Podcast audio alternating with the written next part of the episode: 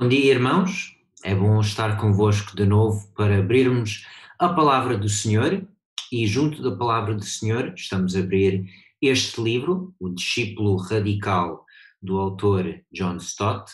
Eh, ele já está com o Senhor, mas foi o último livro que ele escreveu e é uma pessoa que tem uma grande capacidade de seguir o pensamento bíblico e de tornar este pensamento algo relevante para os dias de hoje, algo fácil de entender e de aplicar às nossas vidas.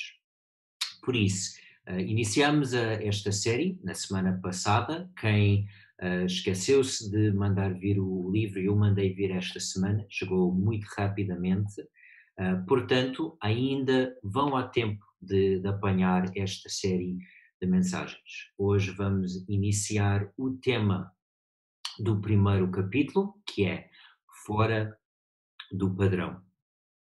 E já vimos que o objetivo desta série de mensagens é que nós pretendemos incentivar um compromisso com Cristo, de aprendizagem, de serviço e de imitação, que são estas as características do discípulo de Cristo. É este o compromisso que um discípulo tem, uma das razões pelas quais uh, John Stott escolheu o título do livro e que é focado nas características básicas e essenciais. E é por isso que ele escolheu o título radical. Na semana passada, vimos que isto implica abandonar a seletividade ilegítima que Jesus falou aos seus discípulos sobre os alicerces. Quem construiu a casa em cima da rocha, quem cavou fundo, quem investiu mais, mas investiu bem.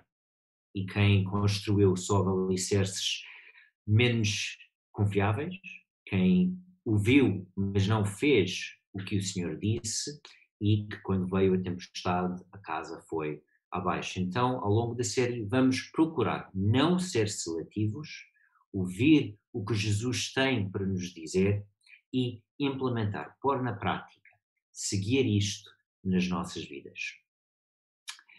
E hoje iniciamos o primeiro capítulo. Cada capítulo trata de uma característica-chave dos discípulos de Cristo. E este capítulo chama-se Fora do Padrão a versão do, do Brasil fala no inconformismo, o inconformado, que também trata bem esta ideia. E nós vemos que estar fora do padrão, seguir Jesus implica evitar dois extremos. Há dois erros que nós podemos cometer. Por um lado, é possível fugir da vida real, ficar retido numa espécie de gueto evangélico de só viver no contexto da igreja, só viver no contexto dos cristãos, de não ter contacto com o mundo como, como de facto é. Vemos, por exemplo, ao longo da história do cristianismo, uh, o movimento monástico, a meu ver, caiu um pouco, nem, nem todas as vezes, mas muitas vezes, neste erro. Vamos nos resguardar do mundo, não queremos ser contaminados. E é verdade, não devemos ser contaminados. Mas ao mesmo tempo nós temos uma missão. Nós temos que ser sal e luz. E isto implica não fugir da vida real. Por outro lado, nós não podemos conformar, não podemos sacrificar a nossa santidade, nossa identidade bíblica enquanto cristãos. E para quem passa muito tempo no mundo, talvez é este o maior perigo para nós, os cristãos do século XXI. É que o modo de pensar do mundo é diferente do modo de pensar da Bíblia, a maneira de viver também, e podemos, em alguns momentos, em alguns aspectos da vida, conformar mais à imagem do mundo, mais ao padrão do mundo, do que ao padrão de Cristo. E é por isso que ao longo da Bíblia nós encontramos o mandamento: sejam santos. É um conceito transversal. Vamos encontrar em todas as grandes divisões da Bíblia. Os judeus dividiam o Antigo Testamento em três partes: Torá, os profetas, os escritos, está em todos eles. Também encontramos esta ideia de sermos santos no ensino de Jesus, nos quatro evangelhos. E está repetido no ensino dos apóstolos, aquilo que nós temos entre Atos e Apocalipse no Novo Testamento. Então, da capa a capa das nossas Bíblias, este conceito de ser santo é algo bastante enfatizado. Então, é algo ao qual nós devemos prestar a devida atenção. E a linguagem bíblica, ser santo, implica ser separado, ser consagrado, algo que é reservado para um propósito específico. E no nosso caso, nós somos separados para viver, não segundo padrões quaisquer, padrões de cultura, padrões da família, mas segundo o padrão de Deus. Isto implica viver fora dos padrões típicos do mundo. E é isto que o autor quer dizer com o título deste capítulo, fora do padrão. Então é dentro do padrão de Deus, fora do padrão do mundo. E um exemplo do Antigo Testamento vem do livro de Levítico, um livro que muitas vezes é difícil de, de ler e de entender. Lembro-me na minha juventude de assumir o compromisso de tentar ler a Bíblia toda ao longo do ano e pelo menos duas vezes desisti porque não conseguia passar o livro de Levítico. Aquelas regras todas. Hoje, eu entendo muito melhor porque eu consigo entender, ok, à luz daquela cultura fazia sentido. Então vamos ver alguns versículos deste livro, porque creio que são bastante chaves em indicar este conceito de ser santo, de viver fora do padrão do mundo e dentro do padrão de Deus. Levítico, capítulo 18. Disse mais o Senhor a Moisés: Fala aos filhos de Israel e diz-lhes: Eu sou o Senhor vosso Deus. Não fareis segundo as obras da terra do Egito em que habitastes, nem fareis segundo as obras da terra de Canaã, para a qual eu vos levo, nem andareis nos seus estatutos. É interessante que Deus aqui especifica dois padrões o padrão do Egito. Vocês saíram de lá, viveram lá muito tempo, várias gerações. Este não é padrão para vocês. E ainda não entraram sequer na terra de Canaã, de Canaã, mas aviso desde já, este também não é padrão para este povo. Fareis segundo os meus juízos e os meus estatutos. Guardareis para andares neles, eu sou o Senhor vosso Deus. Então, não fazer como vocês viram no Egito, não fazer segundo o padrão de Canaã, mas segundo o padrão que eu vou dar. E muitas vezes ajuda a entender o Antigo Testamento se nós entendermos a maneira que a língua hebraica e as pessoas de, de cultura judaica organizavam um texto, que é diferente da nossa maneira de organizar um texto. E muitas vezes encontramos estruturas que parecem uma espécie de seta. E encontramos neste versículo, por exemplo, quando encontramos certas repetições das mesmas palavras. Muitas vezes estas repetições estão lá para ajudar o povo a entender esta estrutura. Então, nestes quatro versículos, vemos no início e no fim, eu sou o Senhor vosso Deus. Inicia e acaba com esta ideia. E é esta a base da santidade. Vocês não são um povo qualquer, são o meu povo. Nós temos aliança, temos um compromisso sagrado. E por eu ser o Senhor, não um Deus qualquer, o Senhor vosso Deus, é com base nisto que devemos falar dos padrões. E o Senhor também é nosso Deus. E é esta base da nossa santidade. E depois de falar, eu sou o Senhor vosso Deus, ele avança primeiro para o que não fazer. Não sigam os padrões do Egito, de Canaã, nem do passado, nem para onde vocês vão. Mas, pelo contrário, sigam o meu padrão. E é por isso que nós temos os primeiros cinco livros da Bíblia que indicam este padrão.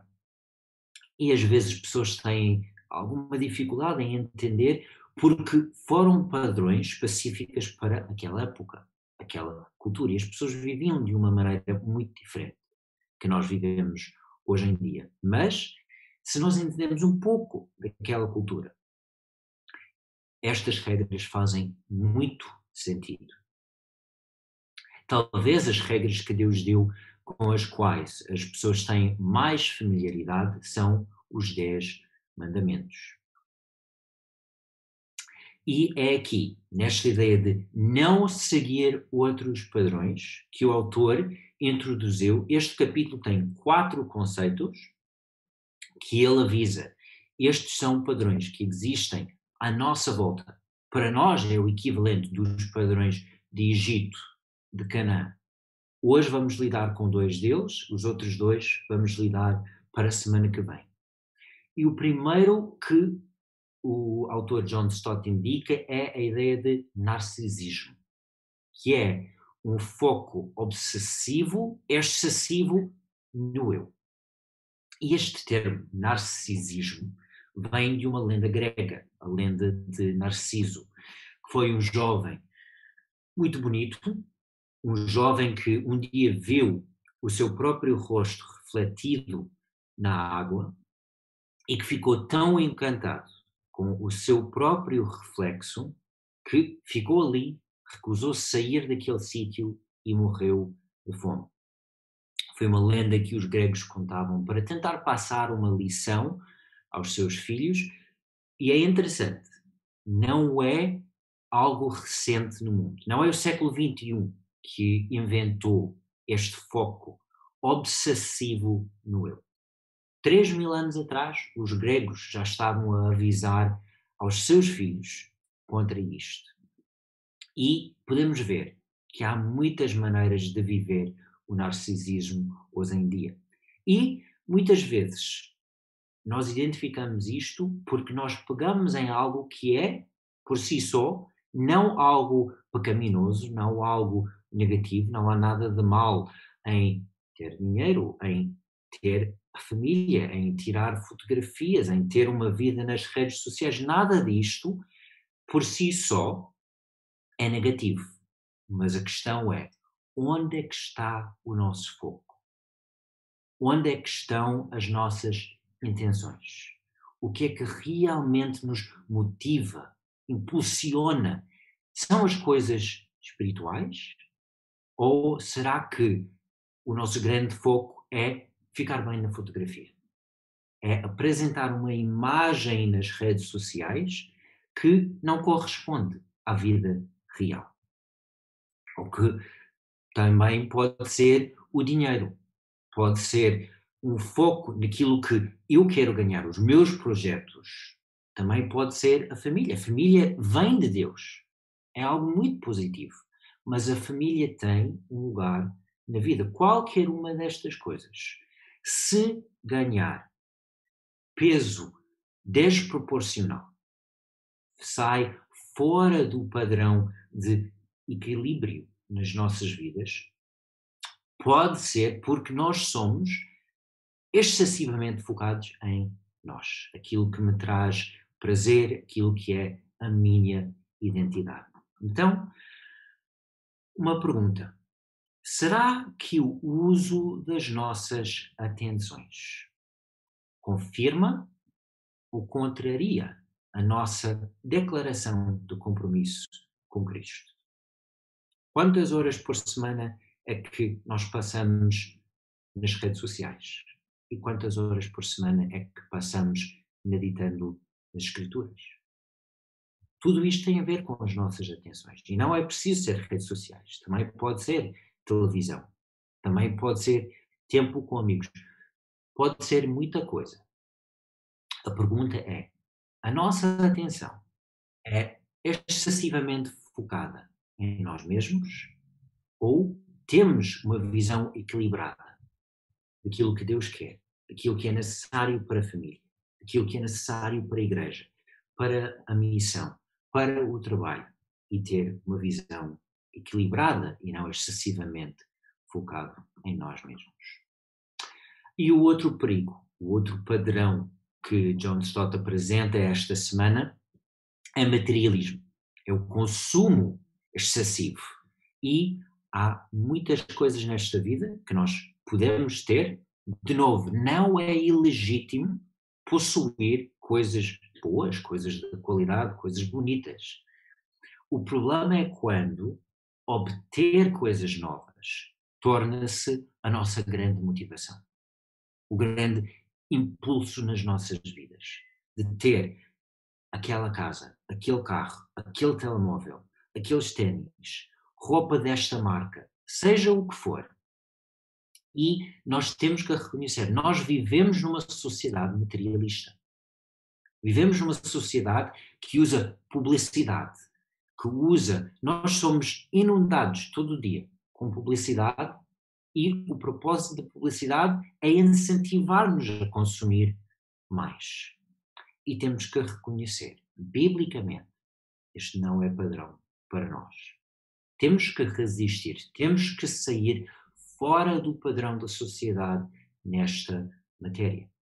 Porque Deus deu-nos recursos e estes recursos devem ser utilizados para investir em várias áreas da vida, inclusive o reino, inclusive o ministério da igreja. Então, a pergunta-chave nesta área: será que o uso das nossas finanças, os recursos que Deus nos concedeu, confirma ou contraria a nossa declaração de compromisso com Cristo? Se, nós, se alguém teve uma cópia do nosso extrato bancário, será que a pessoa, só olhar para o uso do dinheiro, conseguir identificar a diferença entre um cristão, um discípulo de Cristo e um não cristão? Isto tem também que ser refletido na nossa vida, no uso dos recursos. Então, isto é o que não fazer, mas nós não queremos enfatizar apenas o negativo. O que é que nós devemos fazer? E, de novo, se nos olhamos para o padrão de Deus, é apresentado nos Dez Mandamentos, é explicado em Êxodo capítulos 20 a 23, nós notamos que só nos Dez Mandamentos, só nestes capítulos, Deus fala de quase todas as facetas da vida humana. E isto indica que o padrão de Deus não é só para domingo de manhã, não é só para as coisas da igreja. E nós vemos só alguns exemplos. Ele fala da vida espiritual, ele fala da vida interpessoal, dos relacionamentos, eu com o meu próximo, eu com o meu vizinho, dentro da família, pais e filhos.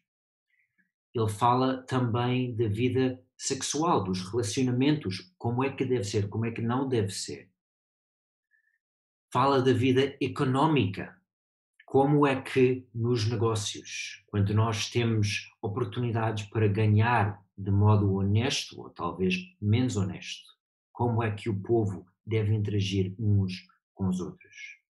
A vida social, como é que nós devemos tratar aqueles que têm menos privilégios, aqueles que sofreram, aqueles que estão a enfrentar circunstâncias desagradáveis aqueles que não são da nossa nacionalidade, que são estrangeiros. Tudo isto Deus contempla o tratamento destas pessoas ao nível da sociedade. E também trata de questões interiores. Eu a lidar comigo mesmo. Questões como a cobiça, por exemplo. Eu posso não fazer nada, mas eu posso ficar no meu interior eu gostaria de ter aquela coisa que outra pessoa tem. eu gostaria muito de ir só no meu interior. Eu posso não fazer mal aos outros, mas isto vai fazer mal a mim. Então, nós vemos que nestes capítulos, onde Deus diz: são estes os meus padrões. Deus fala de vários aspectos da vida. E nós devemos ter o cuidado de garantir que nós procuramos o padrão de Deus em todas estas áreas das nossas vidas também. Que não ficamos apenas com a ideia de que, ah, é o espiritual, Deus preocupa com isto. E é verdade, Ele preocupa, mas as outras áreas da vida também têm que entrar nestes padrões de Deus. Temos que procurar seguir o padrão dele nestas outras áreas também. E resumindo, o que é o padrão de Deus nestas áreas? Eu gosto de tentar resumir com duas coisas que equilibram um ao outro: liberdade máxima, responsabilidade máxima. E as pessoas gostam de falar de liberdade. Ah, sim, eu, eu, eu gosto de ter liberdade. E realmente, em Cristo, temos liberdade. Mas esta liberdade não é para ser usada de qualquer maneira. Não é liberdade para tudo. Isto não é liberdade, isto é libertinagem. É uma diferença. Nós temos liberdade, também temos responsabilidade. E quando nós conseguimos viver estes dois elementos. Não usar um contra o outro, mas manter os dois. Ter a liberdade. É isto que nos dá alegria, é isto que dá um espaço para viver, para crescer. De vez em quando vamos cometer erros, vamos aprender com os erros, vamos viver cada vez mais santificados, cada vez mais segundo o padrão de Deus. E isto traz-nos, inevitavelmente, também para responsabilidade. Há coisas que são válidas segundo estes padrões de Deus e há coisas que também não são válidas. Então, faz-nos voltar para a nossa frase e vemos que esta ideia de ser santos incentiva a ideia do nosso compromisso com Cristo. Esta palavra compromisso é a chave. Não é fazer as coisas de qualquer maneira. É sermos discípulos comprometidos de procurar no essencial, naquilo que Deus indica é o padrão dele, mesmo quando o mundo à minha volta incentiva coisas diferentes. O meu compromisso não é com este mundo, é com Cristo. Então, eu vou sair fora do padrão deste mundo para viver da maneira que ele ensina, porque eu acredito que é isto que é melhor para mim, para a minha família, para a minha igreja, para eu ser sal e luz e que seria bom se os outros também seguissem este padrão. Tentar influenciar e incentivar os outros. Que um compromisso com Cristo é de facto a melhor maneira de viver, é o que traz maior alegria e felicidade à vida humana.